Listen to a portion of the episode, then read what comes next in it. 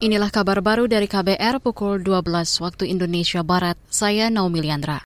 Presiden Joko Widodo mengungkapkan DKI Jakarta selalu masuk dalam 10 kota termacet di dunia.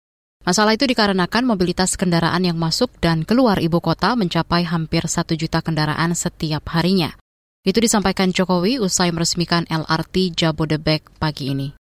Setiap hari masuk 996 ribu kendaraan ke Jakarta setiap harinya.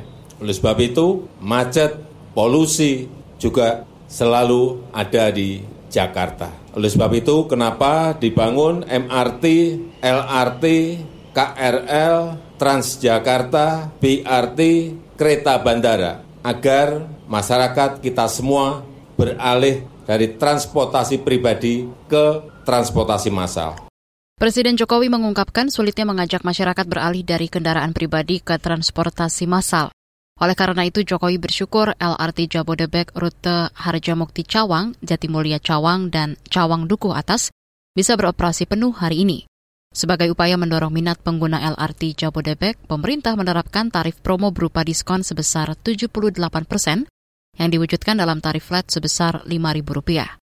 Tarif promo ini berlaku sampai akhir September 2023. Bekas koordinator kontras Fatia Maulidianti menyebut dirinya dan Haris Azhar tidak bermaksud mendiskreditkan seseorang terkait diskusi dalam podcast milik Direktur Lokataru tersebut. Itu disampaikannya dalam sidang lanjutan atas kasus dugaan pencemaran nama baik yang dilaporkan oleh Menteri Koordinator Kemaritiman dan Investasi Menko Marves, Luhut Binsar Panjaitan di Pengadilan Negeri Jakarta Timur hari ini.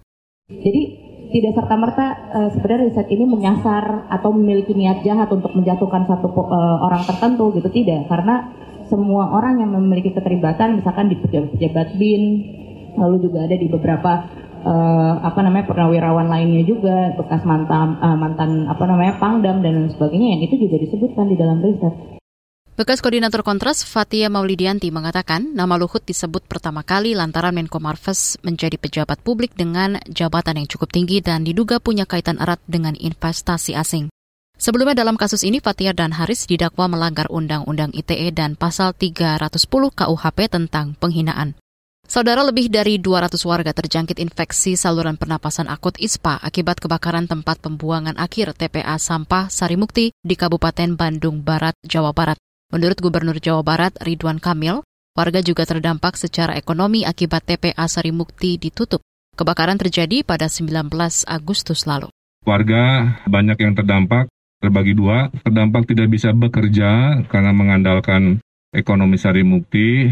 Kemudian ada warga yang tetap bisa bekerja, hanya kesehatannya terdampak. Ada dua ratusan tadi terdaftar jadi pasien mayoritas ISPA, penyakit pernapasan, yang dibantu oleh Puskesmas Sarimukti dan juga posko kesehatan Polda dan TNI. Gubernur Jawa Barat Ridwan Kamil mengatakan warga yang terdampak kebakaran TPA Sarimukti telah diberikan bantuan sembako dan kebutuhan lain yang diperlukan.